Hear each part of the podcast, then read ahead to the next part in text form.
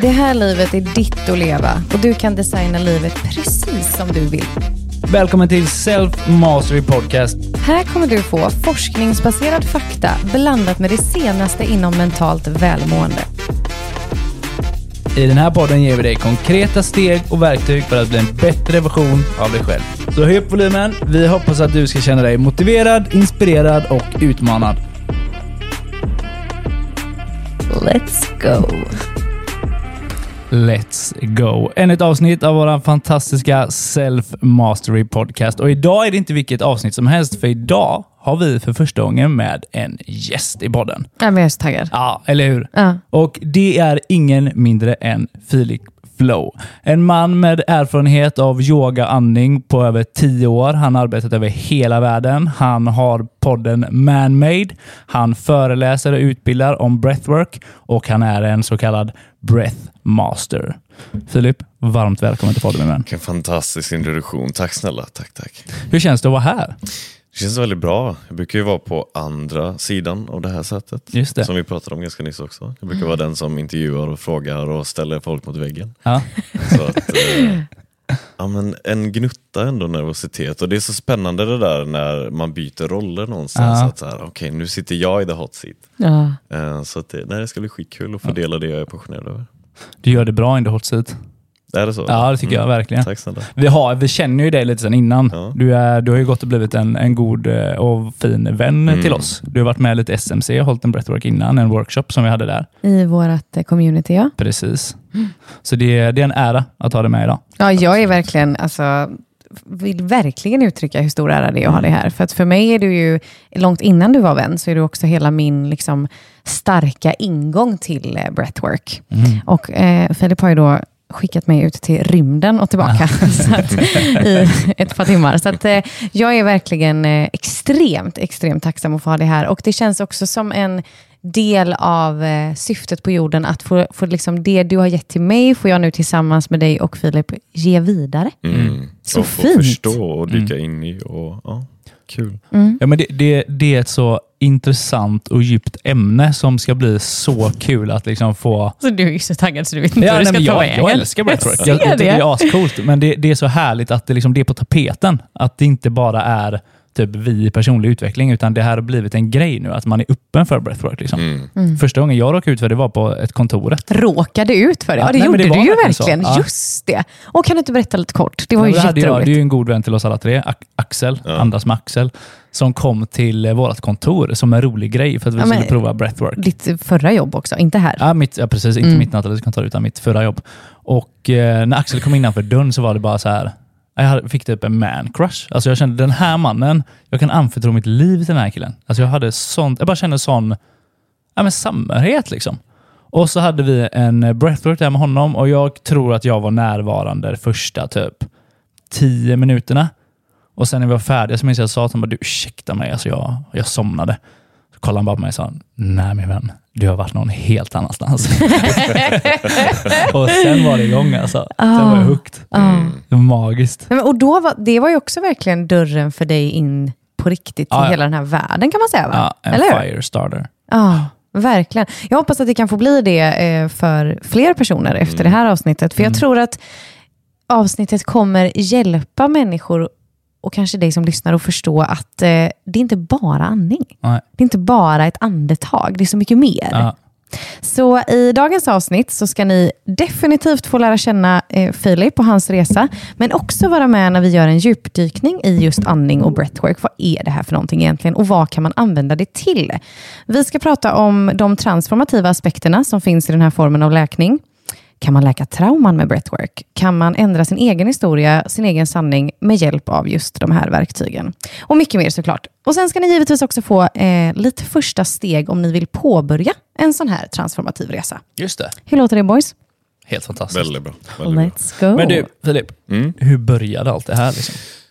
Ganska tidigt egentligen var väl en av de personerna, om man, om man ska dra tillbaka klockan redan till, till skolan och vi kan, vi kan gå till gymnasiet, vi behöver inte gå hela vägen bak. Um, trött, skoltrött och väldigt så sökande, vill ha mer, vill förstå mer, en nyfikenhet överlag.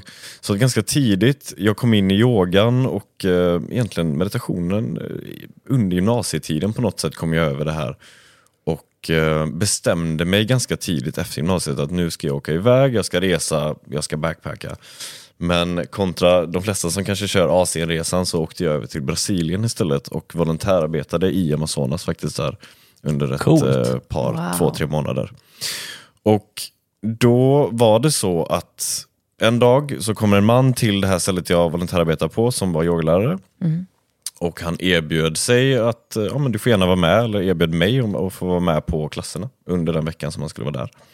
Och eh, tackade glatt jag och kände absolut, jag är supertaggad på att fördjupa djupare i det här och blev helt hooked verkligen. Och det blev väl ändå startskottet på en väldigt lång resa av eh, ja, självutveckling och att förstå de här verktygen och att också lära mig att implementera dem både för mig själv och för andra människor. Så det var där egentligen kort och gott saker och ting verkligen tog fart och elden inom mig, passionen började just för att jag fick smaka på vad de här verktygen faktiskt kan göra för oss. Och, vad, och vad, vad, vad var det som hände inom dig? Liksom? Vad var det du fick känna? Men jag tror, om man ska göra saker och ting konkret och enkelt, jag tror att det var ändå första gången jag fick känna på hur det känns att bara få vara med mig själv. Och då insåg jag någonstans också att okej, bland kanske det svåraste som finns på jorden är att bli sin egna bästa vän. Jo. Det är en, eh, en otrolig utmaning. Mm. Men det blev också en utmaning som jag antog. För att jag kände på något sätt att om jag ska kunna vara en person som både trivs med mitt liv och kan också tillföra till andra människor så behöver jag först och främst bli min egna bästa Mm. vän. Jag behöver ta Wow. hand om den delen av mig själv först. Mm. Och det är väl ändå det som man, verkligen intentionen och det man vill avla med yogan, meditationen. Jag brukar säga att vad intentionen bakom de här verktygen är ofta att man ska kunna lära sig att skala bort versioner av sig själv som egentligen inte behöver vara där. Och det är det man får tillgång till när man utsätter sig för en meditation till exempel. För då kan ju någonting komma upp som man inser att det här är inte jag. Så man kan börja bearbeta och jobba på det. Men om man hela tiden har fokuset utanför sig själv, då får man ju aldrig tillgång till de här delarna. Men det är imponerande. Hur gammal är du när du åker över? Så Då är jag alltså 18 då. 18 bast. Mm. Att ändå komma till de insikterna i den åldern, det är, det är Mm. imponerande. Alltså, alltså att lista ut att man behöver bli sin egen bästa vän, det är ju det många vi, alltså vad vi arbetar för idag, liksom, som människor kommer till insikt med i vuxen ålder. Mm. Du har kommit Men det- långt redan då. Ja men det kom ändå liksom ganska tidigt. Jag, om man backar tillbaka lite till så någonting som jag battlade i väldigt många år, som jag tror att många gör, det var att jag var väldigt grov hypokondriker. Men jag var tyst hypokondriker. Så jag var en sån person som ingen hade någon aning om det här, för att det låg en sån otrolig skam runt det. Så att många människor som är hypokondriker kanske säger hela tiden som jag är sjuk, nej men jag är så här, eller jag tror det här. Men jag var en sån person som ingen hade någon aning, utan det var bara någonting jag bar på inombords då. Så att jag kunde liksom sitta långa stunder och tänka att det var fel på mig. Men det var ingen i min omgivning som hade någon aning. Det gjorde också att jag isolerade mig själv. För att jag kunde inte vara med alla de här jobbiga tankarna och samtidigt försöka ha ett socialt sammanhang. Oj. Så det pågick under några år när jag var i de tonåren, 14, 15, 16. Så att jag stängde in mig själv, spelade datorspel och trodde att jag var sjuk i princip. Det var det Ja. jag gjorde. Men sen kom jag till en punkt där jag också insåg att jag måste göra någonting åt det här. Och insikten blev väl någonstans att jag kan känna en känsla och jag kan bejaka känslan, men jag behöver inte ge den emotionell vikt. En tanke eller en känsla, jag ger ju den i slutändan ett värde. Precis. Och det är då den slår rot i mig. För att jag ger den någon slags betydelse. ja. Så att det började någonstans redan där med att jag kände att jag måste lära mig att bara observera känslorna, jag måste lära mig att bara observera de här tankarna. Men de får inte kontrollera mig. Det är där jag måste ta kontroll över mitt egna liv. Och då började det väldigt mycket för mig, när jag lärde mig det. För det tog bara några månader utan att jag då gav vikt till de här känslorna och tankarna. Och där började jag känna att så, okej, nu börjar jag bygga upp en grund där det här har inte kontroll över mig längre. Mm. Så så jobbade jag bort min hypokondri. Fan vad Wow. coolt alltså. För När, jag, när jag lyssnar på det, det känns som typ, alltså, det här är en superkraft. Att kunna associera dig från dina känslor och kunna placera att det här är inte jag, utan det här är bara en tanke jag har. Hur kan man liksom med hjälp av yoga och breathwork lära sig de här bitarna? Det är ju återigen, jag tror att väldigt ofta så, om man refererar till tankar som moln till exempel, som kommer och går, väldigt ofta så är det nästan som att man hoppar på de här molnen och åker med. Eh, vilket är det jobbigt och kaosigt, för att då kanske du hoppar från moln till moln och du, är, du åker bara med kontinuerligt istället för att lära dig att sitta och titta på molnen. Just det. Alltså för man ger dem ändå ett, när man ger saker och ting ett värde, du får känna saker, du får tänka saker. Det är inte fel att tänka konstiga saker. Vi är människor, alla gör det. Men när du ger det ett, liksom ett värde, att du tänker att den här tanken har en stor betydelse för mig. Just. Då börjar det bli ett problem, potentiellt. För du gav precis den här tanken auktoritet. Du, du tillåter den här tanken att kontrollera dig Ja. istället för att det ska vara vice versa. Då. Ja. Alltså, du är så pedagogisk. Ja. Det är så behagligt. Ja, otroligt bra Ja, tycker jag. fantastiskt. Så att Men- lära sig observera. Ja. Att lära sig observera. Jag har en nyfiken fråga. Mm, Tror du att allting händer av en anledning? Alltså vi är ju ändå givarna av anledning. För att när vi ska prata om anledning så måste vi också prata om livet som ur ett perspektiv av ord. Att anledning är ju ett ord som vi har skapat. Så att om man ska kolla på universum i ett makroperspektiv så är ju orden och språket ett sätt för oss att förstå och sålla och titta på livet ur ett sätt som vi kan relatera till varandra. Det är så jag vet att du är du Nathalie och jag är jag, eller du är du Filip, jag är jag. Det är ett sätt för oss att skapa en slags separation för att vi ska hitta både den individuella, eller oss som individer i världen och kunna relatera till allting annat. Jag sitter i en soffa, jag är inte soffan till exempel. Och det är ju likadant med orden någonstans, om man ska ge, säga att saker och ting har en, en mening eller att allting har en mening. Vi är ändå skaparna av det konceptet. Just det. Så att jag tycker att det är svårt att säga att allting har en mening på ett sånt perspektiv att ehm, vi ska försöka förstå att allting händer av en då verbal anledning. Det tror jag inte. Jag tror att allting som du gör, en handling, kommer ha en reaktion. Alltså om jag lyfter någonting och släpper det på marken, då kommer det ha en, en följd till Just exempel. Så att jag tror mer på alltså, lagarna av ett agerande har ett motagerande kontra att allting har en mening. Ehm, om ni förstår vad jag menar. Ja. jag förstår. Så din, eh, vidare på den frågan då. Mm. Din human experience som du är i nu, har den, eh, har den ett syfte? Är du här av en anledning? Jag har ju ändå valt någonstans att eh, jag tror att vi har ändå friheten som människor att ge oss själva ett syfte. Ja.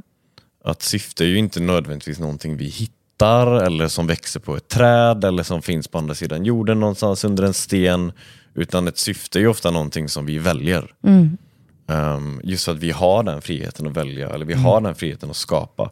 Så ett syfte, och det syftet som jag har, det har ju varit att följa någonstans, men vad är jag mest passionerad över och hur kan någonstans ett syfte växa fram ur den passionen? Så det är inte någonting att jag hittade ett syfte när jag var ute och reste i Brasilien eh, under, ett, ja, men, under, Under ett en träd. palmträd. Precis, utan, Alla ska ut och hitta sig själva. Precis, utan allting som man utsätter sig för avlar ju ofta kanske en passion för någonting som sen växer fram till kanske Ja. då ett syfte. Så kan du se på din resa, liksom, nu, nu Mm. var vi där du var över haven, där borta och fixade detta. Kan du se i din resa typ att där någonstans förstod jag att jag kommer vara en eh, budbärare av det här. Att jobba med breathwork och andning och sådär. Fanns det liksom ett tillfälle eller växte det in i dig? Ja men det växte nog, det var nog likadant där, att jag gått tillbaka någonstans. Eller att jag tror inte att jag förstod det, utan jag tror mer att jag kanske valde det. Att jag insåg att det här vill jag. Det här är det jag vill göra. Och vad behöver jag då utsätta mig för? Eller vad behöver jag upprepa för beteendemönster eller vad den kan vara för att ta mig till den platsen? Så det blev nog det viktigare för mig än att jag förstod någonstans att det här är det som var meningen. Utan man måste ju ändå hitta det personliga ansvaret i att nu, nu kan jag skapa det här livet. Vad behöver jag då göra för att ta mig dit?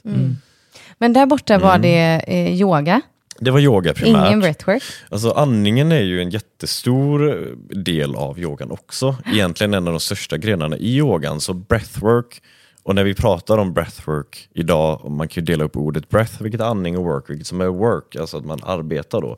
Så det är ju ett sätt att aktivt arbeta med andningen i relation till specifika intentioner eller avsikter. Men just med yogan så har du otroligt mycket andning där också. Så att du får ju med dig oavsett ett, en väldigt bred verktygslåda med breathwork i yogan med. Men när liksom stötte du på den rena breathworken Mm. första gången? En mer, om man ska säga kanske en mer raffinerad metod då, Ja. för att man verkligen bara fokuserade på andningen. Det var väl egentligen för ganska många år sedan nu när eh, Wim Hof började bli stor. Mhm. Han har ändå varit en, en gateway som man säger för väldigt många människor att komma in i andningsarbetet. Och det blev mer då att jag insåg att ja, men, jag hade gjort metoder Redan i Brasilien så gjorde jag breathwork också. Då var det en sån sak som ingen pratade om egentligen, utan det var just i yogan som man pratade om pranayama som det heter. Då. Men Wim Hof var av en jag kanske kom hem och, och hittade honom på någon video eller någonting och bara sa men det här är spännande, det här är intressant.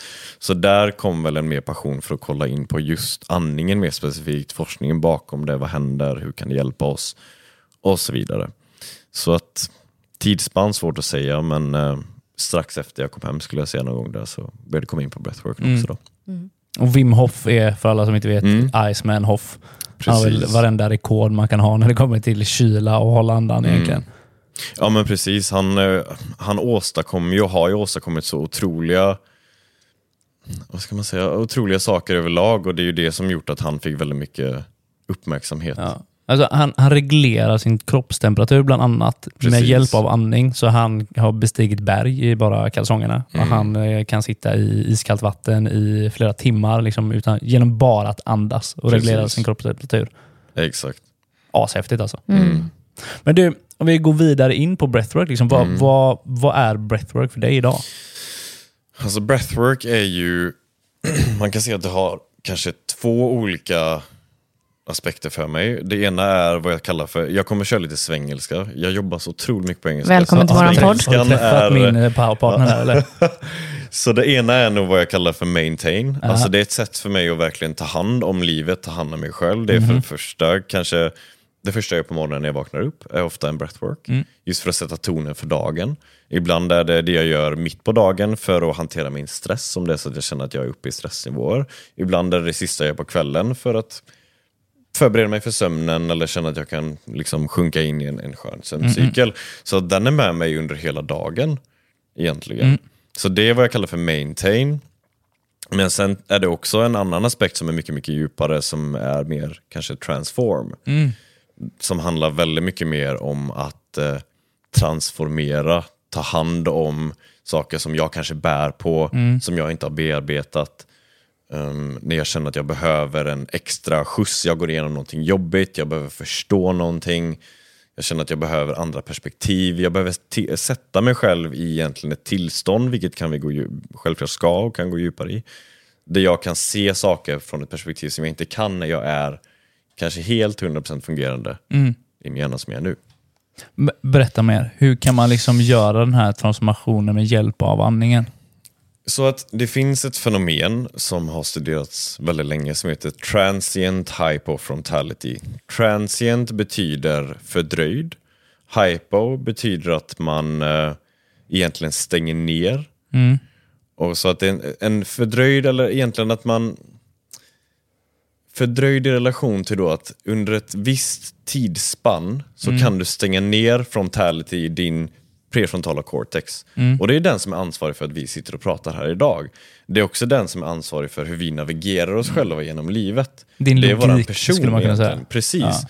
Vi sitter och pratar nu, om man skulle kolla på en MRI, om vi skulle verkligen scanna våra hjärnor just nu, så är vi mycket mer aktiva i prefrontala cortex. Men vi vet också att väldigt mycket av vår person, alltså våra narrativ, våra trosystem, hur vi beter oss, har inte så mycket att göra med the prefrontal cortex, utan väldigt mycket mer med bak, stora delar bakre delen av hjärnan. Så transient hyperfrontality, som man också i många år har kallat för flow state, är då alltså att när du andas till exempel, eh, vi kan säga att du gör en, en hyperventileringsmetod under ett längre spann, då stängs din prefrontala cortex ner. Eller aktiviteten går ner i prefrontala cortex. Vilket gör att du aktiverar mer av den bakre delen av hjärnan. Och där sitter så många av våra trosystem, våra trauman, våra narrativ så som vi beter oss, våran person sitter mycket mer djupt rotad i de delarna av hjärnan. Så när man stänger av då prefrontala cortex, man kommer åt de här bakre delarna, då kan man också få upp, eller man kan på ett sätt, jag ska ge konkreta egentligen ehm, historier så ni kan förstå vad jag menar. Till exempel, en klient som jag jobbade med för ett par år sedan, han jobbade, nej när han var 12 år gammal så vann han en väldigt stor brottningsmatch. Han var jättemycket i brottning när han var liten, det var liksom det största han visste, han älskade brottning. Det var hans passion i livet när han var ung. Han vann den här matchen och det var ju typ det största han hade gått igenom i sitt liv för den åldern. Men det var ingen i hans närhet som kunde hålla honom i det. Hans föräldrar var inte i närheten av så glada som han var för det här. Hans eh, lagkamrater var inte heller speciellt liksom så, alltså, de kunde inte hålla han i hans glädje för vad Nej. han hade gått igenom. Utan det kanske mer var en, en avundsjuka eller vad den kan vara. Vad som hände då för honom var att han byggde ett narrativ runt att han inte är värdig att få framgång Nej. i sitt liv. För att han har precis gått igenom det största han någonsin har gått igenom i sitt liv. Och ingen kunde liksom gratulera och hålla honom med det, vilket gjorde att han byggde en historia om att jag inte är värd det här. I då sitt undermedvetna. Och den här mannen har skrivit flertal böcker, han har gjort några av de största dokumentärerna som någonsin har sänds på svensk tv, vi ska inte nämna namnet såklart. Men otrolig kreatör, verkligen otrolig. Vi jobbade med varandra för ett par år sedan, vi gick igenom en längre breathwork-session där vad man gör är då att man andas under en längre stund för att stänga av prefrontal cortex så att vi kan sjunka ner i hans undermedvetna. Och därifrån börjar jag jobba med NLP. Så jag börjar jobba med verktyg. NLP är förkortning för Linguistic Programming. Det är ett sätt för oss att använda skript eller manus för att skriva om hans narrativ om sig själv. Så att han har ju det här narrativet och det vet vi inte om än. Men jag jobbar på ett sätt som är ganska generellt där jag hela tiden promptar på att vi ska skriva om hans liv i den här breathwork-sessionen. Vad som händer då är att det här minnet kommer upp. Ja. Och jag har aldrig, jag har känt honom många år, jag har aldrig sett honom gråta hela sitt liv. Han liksom storbölar och han får gå igenom den här upplevelsen där han förstår varför han har ett sånt djupt narrativ om sig själv. Om varför han inte är värdig att få framgång. Han har liksom gjort så otroliga saker, han har aldrig varit nöjd. Han har aldrig varit nöjd med en enda bok, en enda film, ingenting. Wow. Och, det, och jag får rysningar när jag tänker på det. För att det är så här, för första gången sedan han var 12, vi snackar liksom, han är över 50 nu, får han uppleva och förstå varför han har bärt på det här i hela sitt liv. Ja. Genom att vi trycker ner honom i, eller in i sitt undermedvetna genom att stänga av prefrontal cortex och därifrån börjar vi jobba med honom. Och det är därför en stor anledning till varför andningen är så otroligt effektiv som ett komplement till allting annat vi gör i terapiform. Ja. Just för att när vi sitter i rummet och pratar med varandra som du sitter med en psykolog eller med en coach eller vad det än kan vara. Jätteviktigt, men vi måste också komma ihåg att vi sitter nästan alltid i prefrontala cortex. I huvudet. Och vi kan inte tänka oss till läkning. Det är otroligt svårt för hjärnan att förstå. För att vad som har hänt, vi säger till exempel att du går igenom en traumatisk upplevelse, du har en vad den kan vara, vad ska vi ta? Vi har en, eh, en partner som är väldigt destruktiv mot dig. Och du bygger kanske ett narrativ då ganska tidigt om att eh, du är inte värd bättre. Mm. Vad som händer i hjärnan är egentligen att du bygger connections. Du bygger new pathways. För när du upprepar en tanke, synapserna då i hjärnan kommer åka över den. Den tanken bygger som en, en motorväg i hjärnan. Och varje gång du tänker den tanken så kommer den tanken ta samma motorväg. Ja. Vilket kommer göra att den här banan kommer bli mer och mer och mer etablerad. Yes. Den kommer gå från en liten landsväg till en motorväg med åren. Och lyssnade man på förra avsnittet så refererade vi till det här som ett rapsfält. Kommer du ihåg? Precis. Mm. Jag har Yes. faktiskt beskrivit det för min äldsta son, i hur han kan, vara, han kan klaga ganska mycket, hur han är negativ. Mm. I vad som händer i din hjärna nu är att du bygger en bro här nu. Och för Precis. varje gång vi upprepar den här negativa, att någonting inte är bra, då förstärker du den här bron om och om och om igen. Så den kommer bli jättestark. Så vi kommer behöva bygga en ny bro genom att säga positiva saker om oss själva eller upplevelser som du har. Han greppar det på en gång. Det är den här bron du refererar till nu. Och så, oj. Och referenser är skitbra Ja, ja. för att förstå. Och i relation till det här då, problemet då är att vi kanske ja, vi upprepar det här tankemönstret och vi tror det här om oss själva, vilket gör att det här blir en jätteetablerad, ett, eller ett jätteetablerat narrativ i våra liv som lägger sig som en underton i allting vi gör.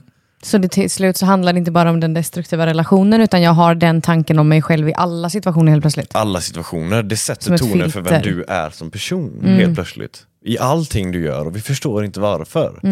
Så att det är ju det som är så himla viktigt då, för att när du sitter i kanske terapirummet så är det väldigt svårt skulle jag säga att bara använda de verbala verktygen som ett sätt för att bryta de här mönstren eller för att då kunna hjälpa hjärnan att skriva om de här narrativen, skapa nya neuropathways som är mer givande, som, eller nästan som att hjärnan då ska förstå att jag behöver ta en annan väg. För Mm. För den här behöver- vägen är inte längre givande. Nej, och, vi, och det vi egentligen missar, om jag får prata rakt ut, Mm. det är kopplingen mellan kroppen, mm, your mind och din själ. Det finns liksom ingen... Vi är Precis. ofta på ett av ställena. Oh, ja. Men jag måste bara reda ut lite frågetecken här nu. För att vi har ju gjort eh, en sån här eh, transformational breathwork, du och Ja. jag. Är det det vi pratar om nu? Det är det vi pratar om. Yes. Och det är ju en Så- av hundratals olika former. Men det är det. Ja, men så när jag upplever Mm. att jag under två timmar var, eh, som jag kallade det, i rymden, Mm. då har jag egentligen varit in my subconscious. Precis. Eller hur? Medveten. Ja. Precis. Och då blir jag ju supernyfiken Mm. nu, för då berättade du att den här klienten som du jobbade med, då jobbade du med NLP när han var där. Precis. Jag har ju, i min tanke så tänker jag att när jag var, eh, jag är ju inte iväg, men det känns Mm. ju som jag är långt bort, då finns det ingen möjlighet för dig att kommunicera med mig, Nej. utan att jag kommer tillbaks. Hur Precis. menar du?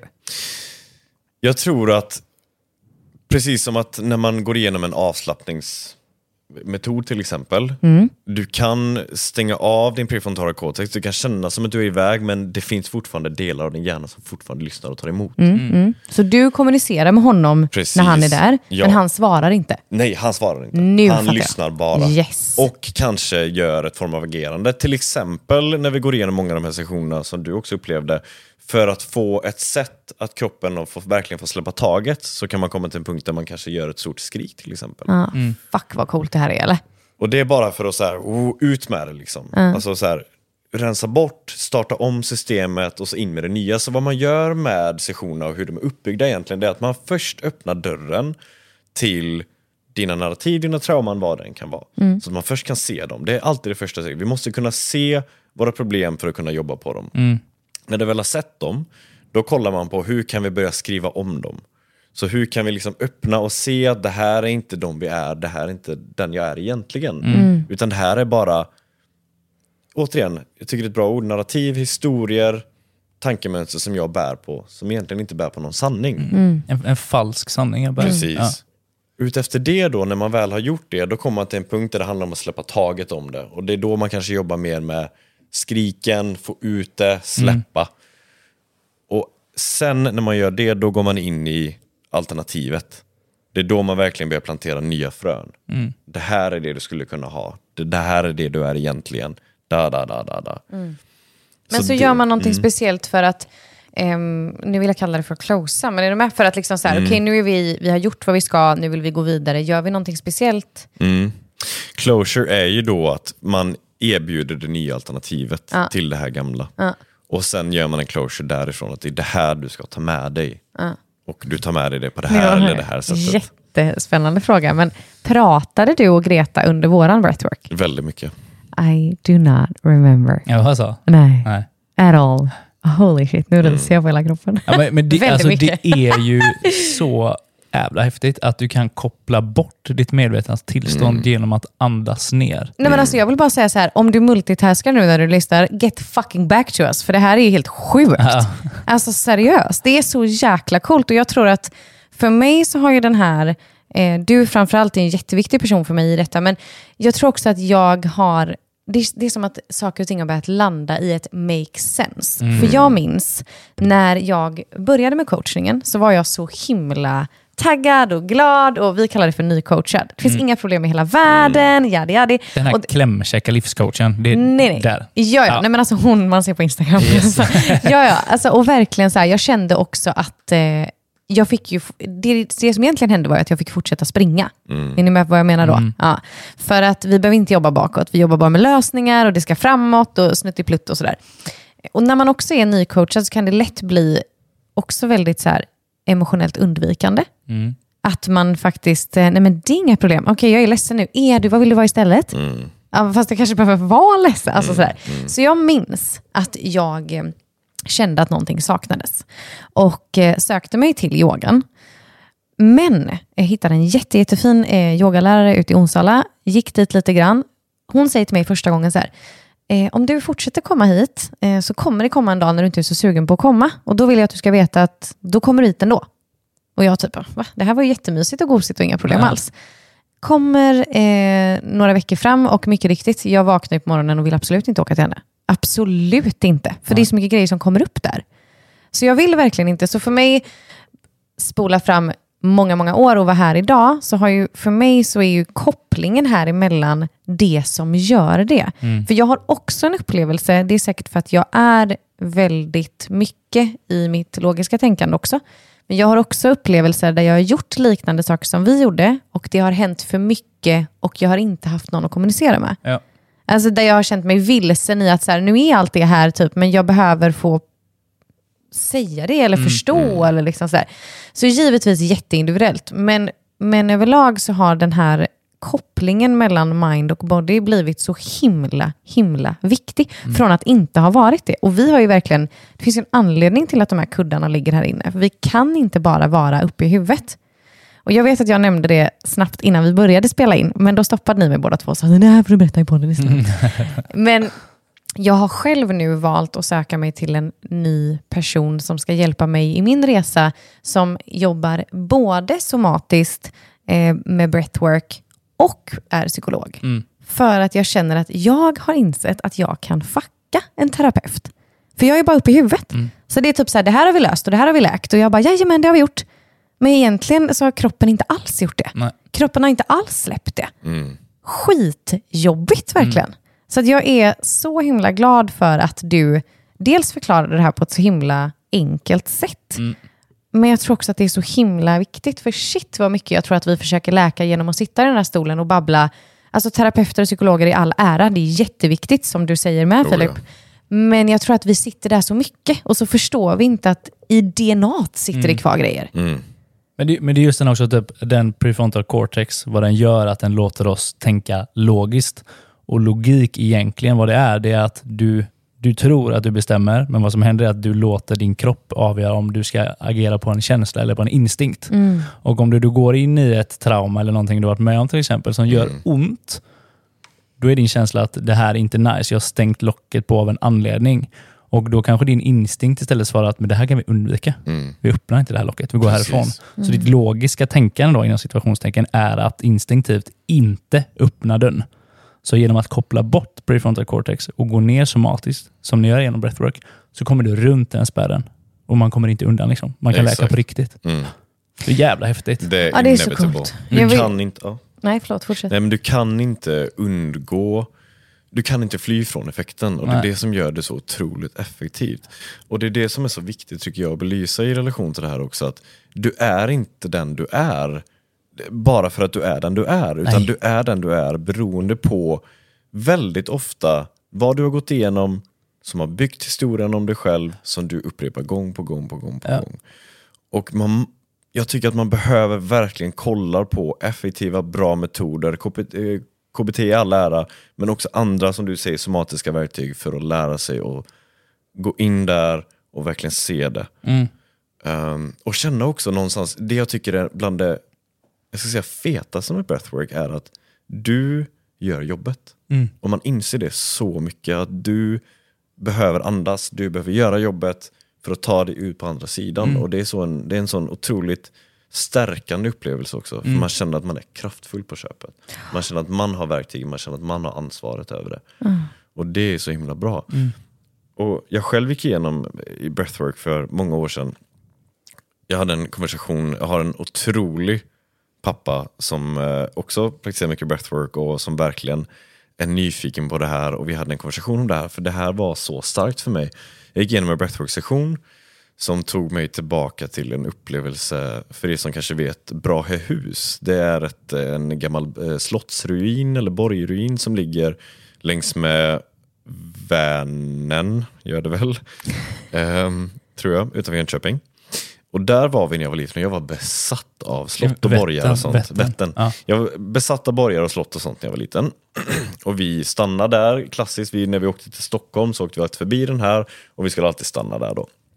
Vi stannar där och jag eh, springer runt i den här lilla borgen och har skitkul som Hur kan gammal är vara, du? 11 kanske. Ish. Eh, och min pappa är så här, ja men nu räcker det liksom. Nu behöver vi åka vidare. Och jag är så här, nej men vi stannar lite till. Och han blev så trött på mig att han satte sig i bilen, startade bilen och började Oh. köra. Ja. Och för han var det ju, om jag hade varit 28 hade jag tänkt, ja ah, skitkul liksom. Ja. Men som 11-åring så tror jag att han håller på att lämna mig. Yes. Jag tror verkligen att min pappa är på väg nu att liksom dra och bara lämna mig och sticka ifrån mig. Vilket han självklart aldrig skulle göra. Men han var så här, ja, han ville visa ett exempel, liksom, att Mm, det är allvar nu. Mm, Men det satte ett narrativ någonstans hos mig som jag tror hängde med jättemycket, en slags oro. Så att som förälder, så viktigt att det som kan vara som en bagatell för dig som förälder kan vara en extremt stor grej för ett barn. Ja, ja. Och det är så viktigt att tänka på. Ja, och, och just den grejen som din farsa gjorde där, det är, jag har också tänkt den tanken. Ja. Alltså det jag tror Men jag har varit med om det liten. du har också, ja, du har varit med om det, men man har som förälder bara, nej nu ska jag fan visa. Mm. Ska jag visa dig en läxa, nu ska du fatta den här gången. Don't do it. Var försiktig. Ja, var Men försiktig. eh, tillbaka till den här Mm. starka breathworken ni gjorde. Precis, och där fick jag också inse någonstans att... Här, för Brett, kom gjorde ni det för ihop då? Nej, det Nej. var en breathwork jag gjorde själv. Utan Ah, det som vi gjorde förstår. ihop var att vi verkligen kunde prata om det här. Fint. Och det var så Ah. fint för pappa också, så jag bara shit, eh, han minns inte det här såklart. Han har ju inte satt det på minnet på samma sätt, men han, han kan absolut förstå att det har hänt. Mm. Och han är så här, ja, men, att han känner också den här skammen över att, att man inte tänker på det som förälder. Liksom.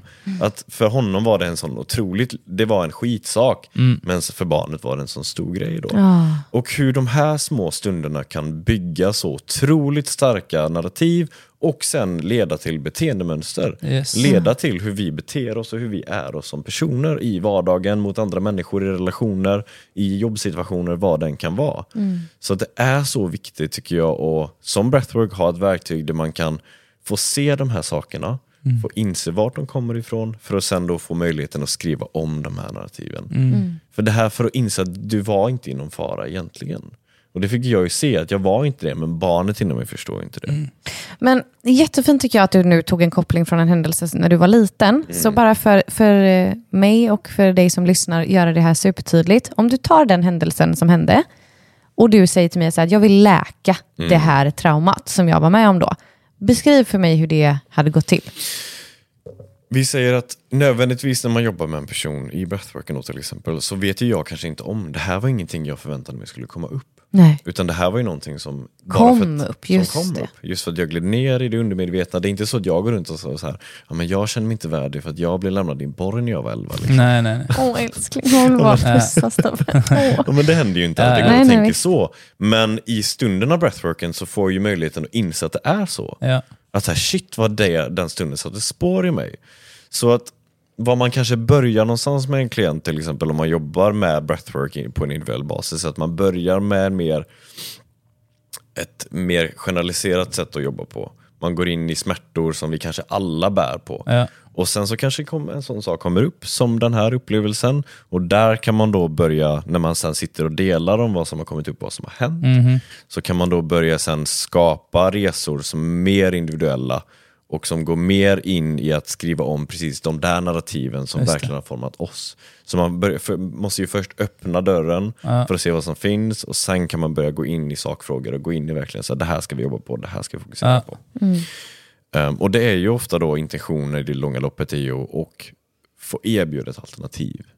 Ett alternativ som är bättre. Och alternativet är ju då eh, ett tankemönster eller en, en, bara ett, en förståelse för saker och ting. Ofta när vi förstår någonting, det är då vi kan börja läka det. Att man förstår varför man är som man är. Mm, Medvetenheten. Ja, för att vi accepterar bara att vi är som vi är. Men om vi inte förs- för att vi förstår inte varför. Men när vi förstår varför, då får vi en helt annat också, en möjlighet att börja jobba på det. För då kan vi se så här, men det här är ju det här är på grund av det här.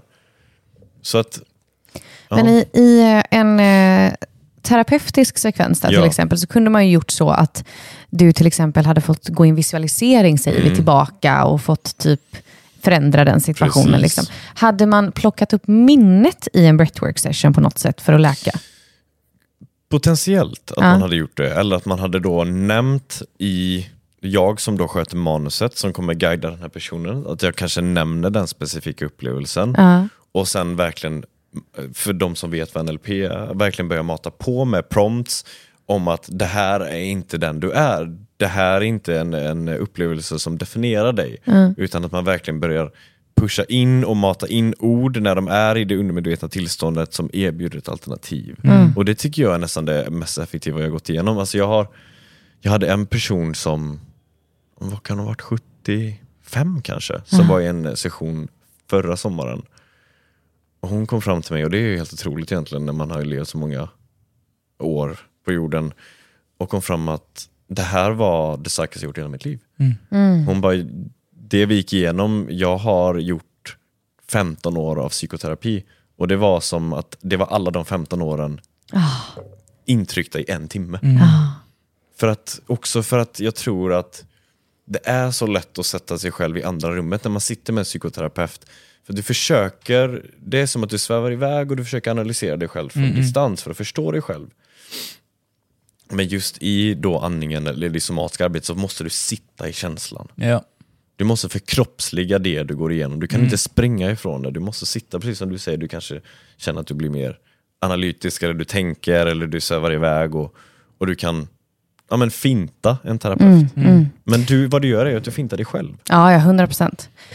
Det är en grej som, som dyker upp nu, eh, Filip, som jag känner att jag eh, vill eh, dela. Jag har inte pratat om det här i podden innan, Fille. Nej. Eh, men jag känner att ja, men det är lite läskigt. Jag ska, jag ska försöka hålla mig eh, så stabilt som möjligt, men brister jag lite så får ni ha hänsyn. Eh, och ehm, ehm, Okej, let's go. För ett tag sedan så, så i en terapisession så hade, hittade jag en känsla av att eh, jag inte gillar att vara i beroendeställning till andra. Det var typ där vi började egentligen ju. Att jag liksom låser mig och får lite panik och sådana grejer. Eh, och jag hade ingen aning om liksom, varför det var så. Vi började diskutera och så började vi typ scanna kroppen för att leta efter det. Och jag, tyckte, jag, jag minns att jag tänkte sen när terapeuten sa att vi skulle göra det, att bara så här, varför? Typ? Det finns inget att hitta. Liksom. Men när vi kommer till typ mitt bäcken och eh, liksom, eh, hela mittsektionen på kroppen, så rotchakra typ, så får jag panik i den här eh, visualiseringen. Och, eh, eller skanningen som vi gjorde. Och det bara studsar upp ett minne från när jag är ungefär åtta år och är med om ett sexuellt övergrepp.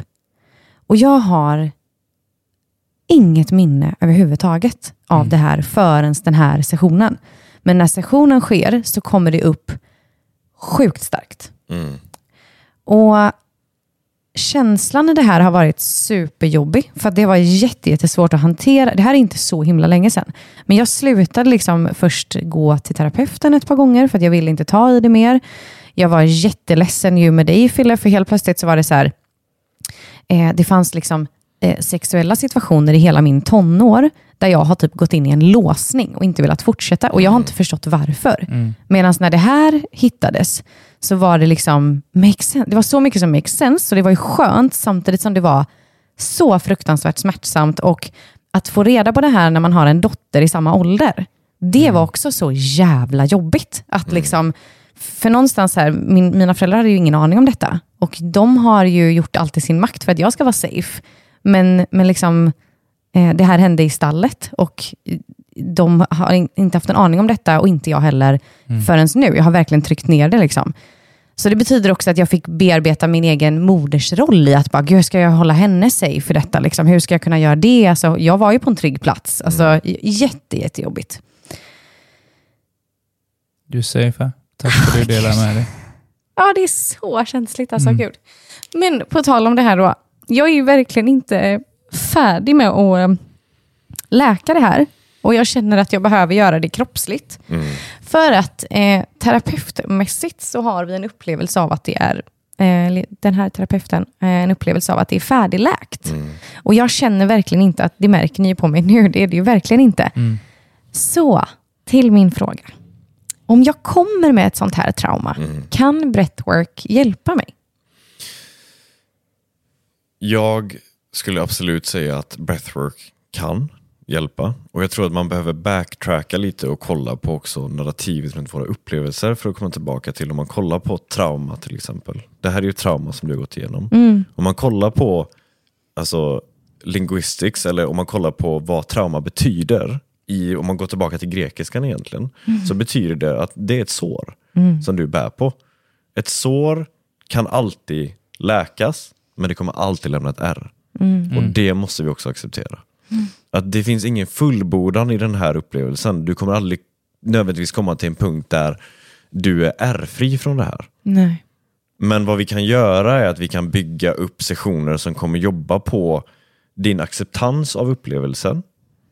Inte att du accepterar upplevelsen i ett sätt som känner att så här, ja men det här var okej, det handlar Nej, inte om det. nej. Utan en acceptans av att upplevelsen har tagit plats och den har, den har rotat sig i din upplevelse eller i ditt liv. Mm. Men sen också att man börjar skriva om sättet som du relaterar till den här Mm. upplevelsen.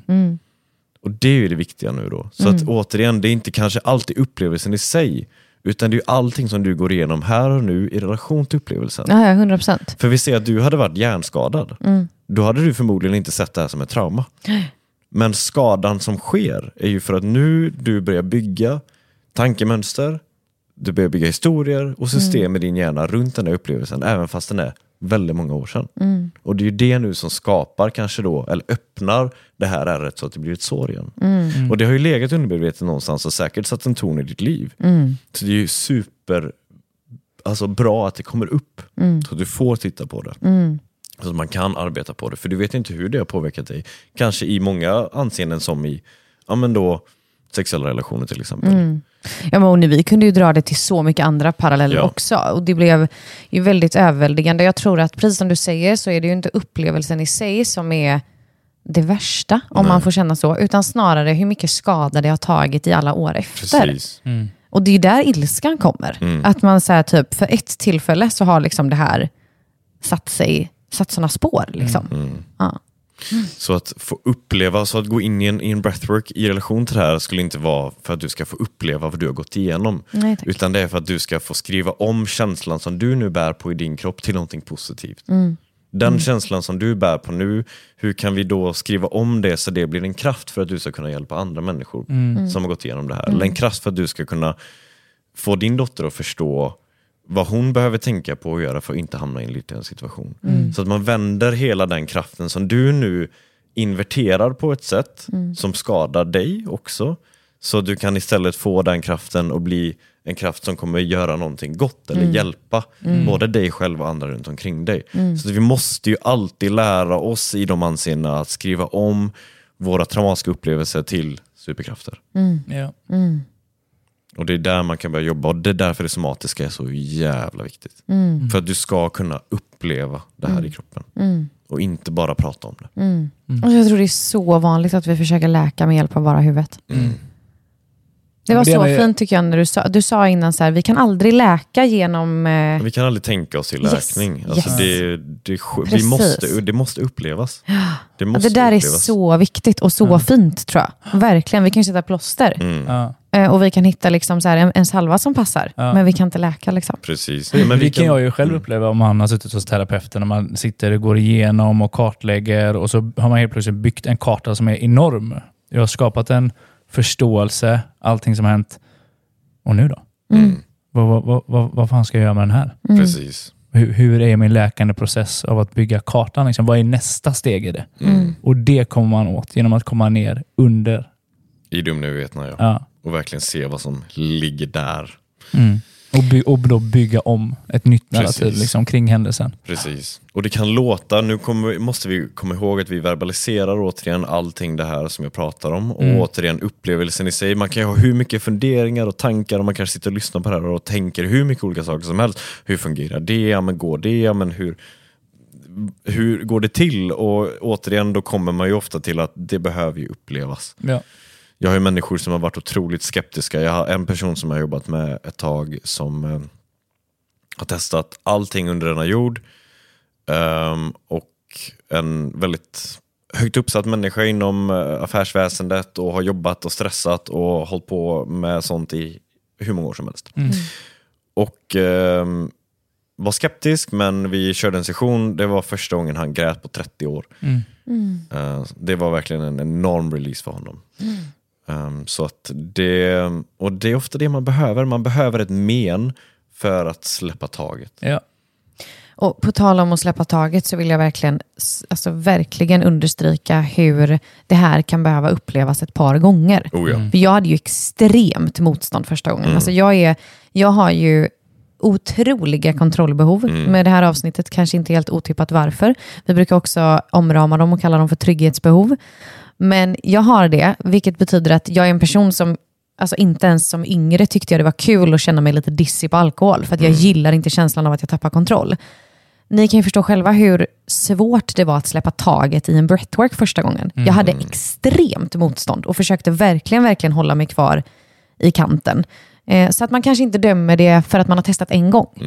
Utan man kanske behöver liksom uppleva det ett par gånger innan man får den, beroende på vem man är. Verkligen. Medan det var jätteuppenbart nu när vi hade den här, eh, när du hade workshop i vår Self Mastery Club. Den finns ju inspelad i plattformen om man vill Yes. se den. Fantastisk eh, work, där du hade först föreläsning och sen fick de testa på en breathwork. Min syster då till exempel, hon var ju helt blown away. Eh, vilket också säger ganska mycket, för hon har under hela vår uppväxt också alltid haft mycket lättare för att släppa taget. Så hon bara så, join in och så är hon med. Liksom. Eh, så att man har en liten tanke om detta nu, att har man provat en gång så kanske inte det alls är, ska dömas ut efter det, utan det kanske behöver upplevas Precis. ett par gånger. Jo, men någonstans alltså, vill du göra en förändring, det finns ju ingen knapp man bara behöver trycka på. Alltså vad den behöver, ska du gå in och börja träna, det kommer ta tag innan du får resultat. Du måste vara liksom willing to put in the effort. Ja, ja, nej, men, det, nej, men typ, det finns ju ingen enkel grej. Du går inte till en Nej. terapeut en gång heller, eller till en coach, eller till en en breath, ett breathwork. Du kommer behöva göra jobbet oavsett vad det är du ger dig in på. Så inställningen till det kommer vara avgörande med. Liksom. Och det är, en, det är en tuff sak att göra. Och det är det första jag säger när jag håller en session ofta är att om du inte är villig att göra jobbet så är dörren där. Mm. För att om du inte vill göra jobbet så är det ingen idé att du är här. Nej. Man måste först och främst vara villig att göra jobbet och bara köra. Liksom. Ja. Men nu är ju du breathmaster. Men vi då som, som är så här vanliga dödliga människor och liksom äh, håller på med breathwork. s- Tycker du att vi också bör se på breathwork i de här två avseendena som du hade? Du hade ett transformativt och så hade du ett eh, maintain. Det tycker jag är otroligt viktigt för att jag hade nog maintain-grejen i mitt liv väldigt länge. Um, men sen när jag kom i kontakt med, med den transformativa aspekten av det, då insåg jag hur otroligt kraftfullt det är. Alltså, verkligen otroligt kraftfullt. Det är svårt att förklara ändå liksom de upplevelserna och de, den feedbacken som jag har fått från människor som har gått igenom sessioner. Det, det är någonstans i, nästan overkligt ibland. Och jag, jag vill säga samma där som du sa Filip, det finns ingen magisk knapp. Men av alla verktyg jag har kommit över så skulle jag ändå säga att breathwork är 100% ett av de mest effektiva. Just på grund av hjärnresponsen. Det är det du vill åt. Den hjärnresponsen kan man få på andra sätt med genom meditation, men då behöver du meditera i många år för att få en liknande hjärnrespons. För mig att kunna sitta bekvämt i en meditation under längre tid, det tog lång tid för mig att göra det. Det är ingenting som händer över en dag. Nej. Men en breathwork-session guidad av en trygg, bra instruktör som vet vad de håller på med kan ta dig till ställen som du aldrig tidigare har upplevt eller varit på. Så på det sättet så tycker jag att den transformativa aspekten är minst lika viktig om inte viktigare. För att väldigt många människor är så otroligt begränsade inombords. Och de vet inte varför. Får jag eh, liksom, kan jag hitta en sån här online och eh, bara köra på? Eller är det lite så här proceed with caution? Jag känner ju personligen att jag inte hade velat uppleva det jag upplevde om Nej. inte du var i rummet. Proceed with caution 100% och det är väl där också det Do blir not såklart try this at home. Nej men lite så, nej men det är ju det och det är därför också det blir svårt för att jag vill ju kunna skicka alla här nu till en transformation och breathwork eller att de kan få uppleva det här. Men det är tufft för att det finns inte många instruktörer som jag hade skickat folk till, det är nummer ett. Oj, berätta mer. Men just för att det finns väldigt mycket breathwork där ute som är superbra, det är inte det. Men jag tror också att det vi gör i de organisationerna jag jobbar med är för det första är väldigt evidensbaserat. Vi slänger inte runt med koncept och vi slänger inte runt med påståenden som vi inte kan backa upp. Vi tar i anseende väldigt mycket vad intentionen bakom det är. Så att det du kommer komma över och det kommer jag ta tillbaka med ett ord, för att jättebra att gå på breathwork med människor, för det kanske kommer vara mer av den här maintain-grejen. Men om du ska gå på en transformativ breathwork och du ska gå på en sån här riktigt djup breathwork, då vill du se till att du jobbar med någon som verkligen vet vad de gör. Ehm, Men det, det kommer väl egentligen till all, alla yrkespersoner inom personlig Självklart. utveckling. Ja, liksom. Det finns alltså, coach också, det är inget skyddat yrke. Det finns människor som verkligen man inte står och håller om ryggen i vad de håller på med. Men, eh, Precis. Men för man ska inte blunda för att jag har haft människor i mina sessioner. Jag har också lett ut sessioner som har varit väldigt stora med många människor i dem. Då jag har haft assistenter som har varit där och hållit vad man kallar mer av det somatiska utrymmet för människor genom att kanske placera en hand på en axel Ja. eller hålla under nacken bara så att man känner att folk blir supportade genom den här upplevelsen. Då. Ibland kan också det somatiska genom att placera ett finger på en axel eller kanske på bröstet Eh, Det kan också göra att en människa verkligen kan släppa taget för att man känner en, en, en ytterligare nivå av trygghet. Då. Så att ehm, i relation till det här så har jag också haft människor som har gått igenom jobbiga upplevelser och det har varit jävligt tufft för dem. Inte att säga då att de ångrar det på något sätt, men att vi har behövt bearbeta det under en tid efteråt. Så det är ingenting man nödvändigtvis bara kanske utsätter sig för bara för att testa eh, så på nätet, eller, utan proceed with caution. Medan den här maintain, eh, alltså underhållande breathworken, den kan man kanske snarare... Absolut. Du, utan att ha förberett dig på det här nu, skulle vi kunna göra en så här liten video på hur en enkel morgon breathwork ser ut och lägga ut på Instagram? Självklart. Kan vi göra det? Det hade ju varit kul. Så de fick se typ att det här är en, en, eh, någonting man skulle kunna hitta på en morgon. Det ska vi absolut göra och det blir mer av en maintaining då. Och det är också beroende på vad vi jobbar med. När man jobbar mer i maintaining så jobbar vi med någonting som kallas för breathwork ratios. Och vad det betyder är att beroende på längden av inandetag och utandetag så kommer du ha en olika respons i kroppen. Jag skulle också säga att i relation till stresshantering, det, som vi gick igenom under eh, SMC-föreläsningen, att det är ett av också de mest effektiva verktygen för till exempel stresshantering. Då. För att det är så himla effektivt sätt att komma in i en parasympatisk respons Ja. i nervsystemet. Så att självklart. Kul. Mm. Jag kör ju min, i min morgonrutin här så kör jag en kortare breathwork. Mm. Jag tar 30 andetag in ut genom näsan ganska snabba. Mm. Eh, håller. Sen gör jag 30 nya in ut. Håller. Och 30 nya in ut. Håller. Och det sätter ju mig upp för min meditation sen. Liksom. Det är så mycket enklare att komma Precis. in i den och djupare. Ja. Och jag upplever det fysiskt i kroppen också genom bara det här. Det är en väldigt enkel grej Mm. att göra. Liksom. Men jag känner hur liksom, det exploderar ut i min kropp och bara ett Precis. lugn. Liksom. Oh, ja. Och hur mycket jag inte andas annars. Mm. Liksom. Och jag är en ordnörd för att jag tycker att ord är så viktigt att förstå för att vi kan slänga runt med ord väldigt mycket. Men sen så ska man kolla på vad som kallas för the word origin eller linguistics, då, alltså forskningen bakom ord. Vad betyder de från början? Vad är intentionen bakom dem? Om man kollar då på till exempel, om vi ska gå in i sanskrit och kolla på ett ord som är jättestort inom yogan, som många säkert har hört, vilket är prana. Så prana säger man är livskraften, säger man då i, eh, i yogans värld. Men man ska också förstå att sanskrit är så otroligt komplext och det är ofta ett ord, det är ofta uppbyggt av flera ord. Så prana är uppbyggt av två ord. Det ena är pra, som betyder förlängning. Och det andra är ana, som betyder andetag. Så att i yogan förstod man redan för tusentals år sedan att våran livskraft och våran energinivå är en förläng direkt förlängning av våran kapacitet att andas eller vårt andetag. Så att det är verkligen, för mig, verktyg nummer ett. Ehm, för att vi pratar återigen så otroligt mycket om sömn och återhämtning och, som är otroligt viktigt och mat och hela den biten. Men vem pratar om hur vi andas? Ja, Jag fick ju en läxa när du var med på eh, när vi hade den här workshopen här. Det andas ju stenhårt genom näsan nu. Jag tänkte precis säga det. Ja. Kan du inte, även för de som inte är medlemmar nu då, berätta varför ska vi andas genom näsan? Mm. Ja, men näsan är ju byggd för att andas igenom. Kort och gott egentligen, den har ett filtreringssystem så den kommer sålla ut eh, partiklar, den kommer sålla ut eh, bakterier, eh, också luftbärande vad ska man säga, luftbärande sjukdomar. Mm. Mycket mindre chans att åka på en förkylning om du kontinuerligt eh, näsandas kontra munandas till exempel. Den befuktar luften vilket gör att du får mycket eh, högre fuktighet i, i lungorna. Vilket gör att du inte blir lika torr. Många människor som är väldigt torra i halsen, torra i lungorna, torrhosta är ofta för att man andas väldigt mycket genom munnen. Mm.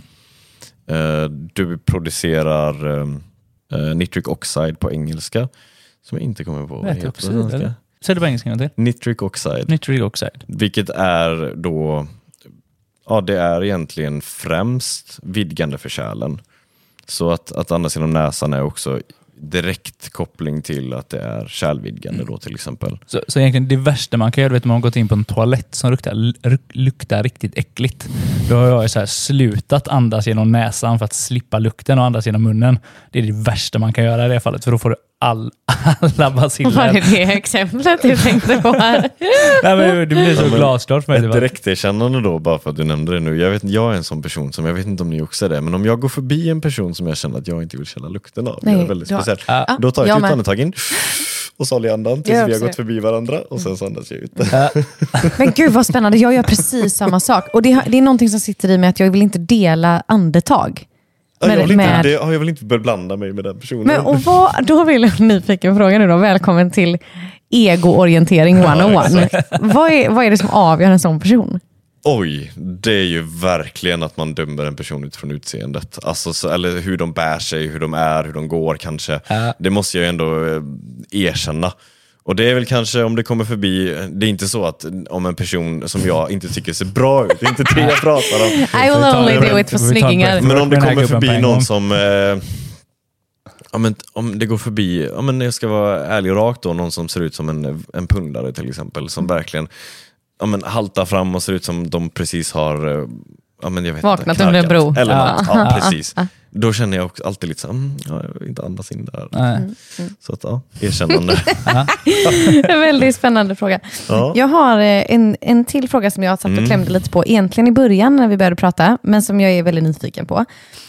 Du har ju gjort en väldigt transformativ resa personligen. Hur upplever du att din omgivning har svarat på det? Alltså familj, vänner? Mm. Jag tror att i början så möttes ju väldigt mycket av det jag gjorde med ett motstånd naturligt. För att det, inte för att de inte var eh, supportive utan för att de inte förstod. Ofta när man möter motstånd är det för att man inte förstår. Så det är ju en direkt reflektion av vad som händer inom dem och inte om vad jag går igenom egentligen. Så att i början var det mycket vänner, jag har skalat bort väldigt mycket vänner under åren naturligt. Inte så att vi har någonting otalt med varandra utan för att vi resonerar inte med varandra på samma sätt längre. Ehm, och sen också familj självklart som ja, men ifrågasatte och undrade och speciellt de som är kanske lite mer gammalmodiga i form av farmor och mormor och det, det gardet om man säger då. Ehm, så att det började med motstånd har väl senaste ganska många åren nu övergått i en, eh, en otrolig pepp och en förståelse och eh, ja, men, jag vet inte, min, många av mina nära har ju fått del, ta del av feedbacken som kanske jag har fått och de personer jag har fått möjlighet att jobba med och för att jag har varit ihållig och fortsatt med det här. Så att nu är det ju ingenting annat än att, ja men till och med när jag har kanske lärt ut lite mindre yoga så har det kommit från liksom föräldrar så här, "Ja, ska men, vad gör, vad, vad, varför, varför gör du inte det oftare nu? Varför gör du inte det lika ofta? För att nu är det verkligen på andra sidan. Det är den, Det är det är jättehärligt. Så det är väldigt, väldigt fint och varit otroligt eh, väl bemött i det de senaste åren när man förstår kraften och också fått med mig många familjemedlemmar på jag kan alltid tycka, jag vet inte hur ni känner där, men när det kommer till familjemedlemmar så tycker jag nästan att det är skönare att skicka dem till någon annan. För att vi har ändå med våra Det ligger familjemedlemmar en spärr där. det ligger en spärr och sen så har man, man har känt varandra i otroligt många år och det är väldigt lätt att man drar in gamla versioner in i rummet Yep. eh, på grund av att man har ju känt en version av den här personen kanske och så dras den versionen fram av Ja. den du möter. Så det, är, det jag tycker det är svår, svårast av allt är ju kanske i många mm, anseenden är ju att verkligen bygga en ny karaktär eller att bli en ny människa när man har människor runt omkring sig som ser dig som den här gamla versionen. Precis. Vänner är enklare att skala bort för att det är så här, okej om inte vi resonerar, då resonerar vi inte, hej då. Men familj är snäppet svårare. Eh, speciellt om man inte har en konflikt eller någonting. Jag älskar ju min familj men det är inte lika lätt att bara, ah, hej då, ska inte prata med er mer för att vi har inte samma resonans Nej. längre. Och det är ingenting jag någonsin hade ens tänkt på eller hade velat göra heller. Men där är ju det svåraste tycker jag eh, ofta är ju att, att verkligen våga bli en ny person i relation till de människorna som har sett dig som kanske en annan person Ja. under väldigt lång tid. Vi hade ju faktiskt den här diskussionen igår älskling, när vi eh, satt i bilen. Så kom det upp en grej och så började vi prata om det. Och så, då, då får ju vi också påminna varandra om i, rela, i vår relation. Mm. Att så här, nu, nu vill jag bara lyfta vad jag observerade och det känns som att du eh, svarade på vem jag har varit. Mm. Men jag har jobbat med detta och nu är jag den här personen. Och då bara, mm, just det. Just det. Får jag behandla dig efter din nya version? Precis. Så det är ju, eh, alltså jag håller med dig om att det är en väldig utmaning med Mm. familjen, men en extrem utmaning i en relation också. Oh, ja. Att hela tiden, och så som vi liksom håller på, liksom, vi jobbar ju med personlig utveckling som folk byter underkläder typ. Så det är ju så här, det går ju fort. Jaha, är du en ny person idag älskling? Ja. Välkommen, kom och sätt dig. ja, alltså no shit. No shit. Ja. Ja. Ja, Men gud, tänk vad många gånger i livet du kommer behöva bli kär. Ja, ja. Va? Ja. Nej, men det är ju verkligen så. Och sen också att be. Jag tror att det är väldigt viktigt att istället för att bygga irritation och bli arg på varandra över att man verkligen ber människor i sin närhet. Jag fick faktiskt ha en diskussion med min far häromdagen för jag var hemma hos honom och hälsade på. Vi har ju bott med varandra i väldigt många år. Ehm, och jag tror att han har en sån grej att när jag var yngre då gick det sönder saker hemma. Mm, Det var liksom jag var oförsiktig, slarvig, du vet saker gick Kan sönder. det varit så att du var ett barn? Det kan Det kan så. vara så, ja. Det kan vara så. Ja. Sen kanske jag var det lite för länge i hans ögon, men eh, det är en annan eh, aspekt av det. Då. Men då eh, mixade, vi, mixade jag en grej i mixen hemma hos honom. Och så självklart så var det någonting som gick sönder. Och eh, han har en tendens ibland att ha en, en kort stubin, så att han blir väldigt irriterad över det här.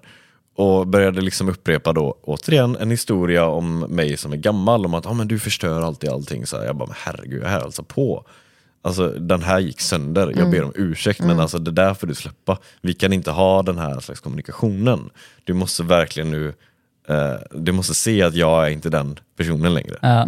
Och då blir det för honom så här, okej förlåt. För att man agerar så fort Ja. på någonting gammalt. Men att man är då liksom verkligen sakligt pratar om det, så att det här är inte okej. Nej. Det här behöver du ändra på. Precis. Eh, förlåt att den gick sönder, men jag är inte den personen, som, eller jag tillhör inte det facket som du försöker placera mig i. Ja, just det. Men du har en enkel julklapp till farsan nu. Ja, En verkligen. Han ja. har faktiskt lagat den. Ja, Men du kanske bara ska spinna vidare på den här grejen och köpa silvertejp till honom. Typ. ja, ja, precis. julklapp. Nu kan jag ju komma oftare. Nej, men jag tror att det är jätteviktigt det här med att man, att man har ett fack. Och, eh, det är också väldigt lätt hänt om man inte jobbar med så mycket medvetenhet som vi gör. Eh, och som du verkligen gör, att, att hamna i det facket. Alltså Helt plötsligt så är du ju en person som råkar ta sönder något i hallen för att han har sagt så. Mm, Det är ju livsfarligt. Ja. verkligen. Alltså, och jättevanligt tror jag. Att det blir så. Att man blir den personen de förväntar sig. Typ. Mm. Oh, ja. Du, vad... För att sammanfatta det här avsnittet lite, vi har gått igenom väldigt mycket grejer. Mm. Men, Schysst att få den. da, Åh, Nej, det tänker jag inte be honom att nej, göra. vad bra. utan Vad bra. Jag skulle vilja fråga så här, vad, vad är ett, ett bra första steg att ta? Om man vill Mm. prova på eller testa detta. Liksom. Ja, ett bra första steg är ju alltid att börja i rätt ände och i rätt ände i detta tycker jag är att man börjar försiktigt och man börjar med lite kortare sessioner. Det finns jättemycket bra på Youtube. Jag hade egentligen velat skicka mig, äh, skicka ett, självklart till någonting som jag gör men det finns ingenting än. Eh, Ja, att, Vi har ju faktiskt en grej till eh, dig som är medlem i Self Master Club. Vårt community som finns. Och är man inte medlem kan man bli det. Kostar 249 kronor i månaden och du hittar länken här i avsnittsbeskrivningen. Där har ju vi faktiskt fått möjligheten att eh, lägga in en breathwork som du har gjort. Och den är, är urklippt ur workshopen. Så är man medlem nu så finns både workshopen med Filip i plattformen, men det finns också i ljudbiblioteket en kortare breathwork som är super att ha som inledning och börja med tror jag. verkligen. Visst? Och en vidare fråga då. Mm. Nu har jag lyssnat på det här avsnittet och jag är redan into breathwork. Jag har gjort det ett tag. Liksom. Det här är inte nytt för mig. Eh, jag älskar det. Vad, vad skulle du säga till en sån person typ? Fortsätt. Girl, do what you're doing. Nej, men är det liksom, finns det någonting mer som är så här, gud har du inte testat detta? Skulle jag rekommendera det? Eller skulle du rekommendera ett retreat? Eller liksom vad... Nej, men, eh, retreat i all ära, återigen att man verkligen sållar och man eh, är med människor och med lärare som är duktiga och som vet vad de gör. det är klart att om man vill gå vidare, uppleva någonting bortom metoderna som då Wim Hof som vi nämnde tidigare, eller de här med maintain uh, breathworken som man gör kanske på en daglig basis, då ska man ju söka sig till en, en transformative breathwork till exempel. Um, jag har inga jättekonkreta förslag på var man skulle kunna åka någonstans. Ni får ju jättegärna följa mig. Jag lägger ut när jag väl gör dem. Det är väldigt sporadiskt just mm. nu. Hur kommer man i kontakt med dig? Det är väl Instagram framförallt. Um, och ni kanske vill lämna den i beskrivningen. Självklart, ja. den lägger vi där. Um, så där kan man hitta information mer när jag lägger ut Breathworks. Primärt jobbar jag med en organisation som utbildar människor, så jag jobbar mycket mer med att utbilda andra lärare Problemet är att väldigt många lärare är inte kanske i Sverige. Mm. Sverige är inte alltid i framkanten på de här sakerna. Nej. Så att vi har inte många som är utbildade i Sverige. Vi har ett par. Ehm, vi har någon uppe i Stockholm, vi har någon nere på västkusten. Så att eh, om man har en nyfikenhet och vill gå på en sån här session så kan jag absolut hitta människor åt er som är på vardera sida av Sverige i alla fall. Mm. Om jag blir jättenyfiken mm. nu när du säger så och vill utbilda mig, mm. eh, hur ofta sker det och vart någonstans? Och... Alla våra utbildningar som vi håller i är ju online, uh. primärt då. De här är ju engelska, det är med en global organisation som jag har varit med och drivit i uh, lite över två år. Uh. Um, så alla de utbildningarna sker på nätet primärt. Um, och Det kan man undra hur det går till, men det funkar faktiskt väldigt, väldigt bra för att de är långa vilket gör att man får väldigt mycket feedback och man får väldigt mycket information med sig för att förstå. Mm. Och Man lär ut inom utbildningarna, så att man lär inte nödvändigtvis ut för andra människor utanför utbildningen utan man håller sessioner inom utbildningen mm. då för andra människor som går igenom samma sak. Vilket gör att vi kan eh, um, övervaka och ge reviews och feedback på allting man gör. Då. Mm. Um, den informationen, om man är nyfiken på vad det innebär att bli utbildad, det är nog också någonting som jag skulle säga att man får kontakta mig personligen absolut. för i så fall. Mm. Så kan jag absolut visa och berätta mer. Mm. Uh, men där finns det. Mm. Thank you. Absolut. Ja, verkligen. Tack, tack för ett helt uh, magiskt avsnitt Filip. Men jag mm. tänker att du ska få lämna med ett par slutord innan vi mm. skiljs åt. Om du fick skicka med mänskligheten en gåva, vad skulle det vara? Ja, det är en otroligt bra fråga. Jag hade velat skicka med människor gåvan att eh, verkligen lära sig att sitta med sig själva. Mm. Och det som är utan att döma. Ja. Det är verkligen det som jag tror har varit det som är mest givande för mig, det som gör att jag kan slappna av i tillvaron och känna en, en trygghet. För jag tror ändå att det viktigaste för väldigt många människor det är att de känner sig trygga. Inte bara i sin externa miljö och omständigheter utan inombords. Mm. Att man känner en trygghet inom sig själv. Att man är trygg med sig själv som person. Men då måste man också lära sig att sitta med sig själv. Just det. Och dit kommer man inte komma om man hela tiden flyr Nej. på ett eller annat sätt. Genom Netflix, TV, telefon, mm. mobil fest, vad den kan vara. Mm. på alla sätt vi flyr, mat. Utan att börja avla och börja använda verktyg som uppmuntrar dig att, att vara med dig själv. Ja. Vare sig det är ett par minuter om dagen. Det hjälper. Put in work. Mm. Tack så hemskt Tusen mycket tack, för att vi fick ha dig här. Absolut. Det är en ära verkligen. Och tack till alla er som har lyssnat. Vi uppskattar verkligen om ni delar avsnittet och eh, så ses vi snart igen.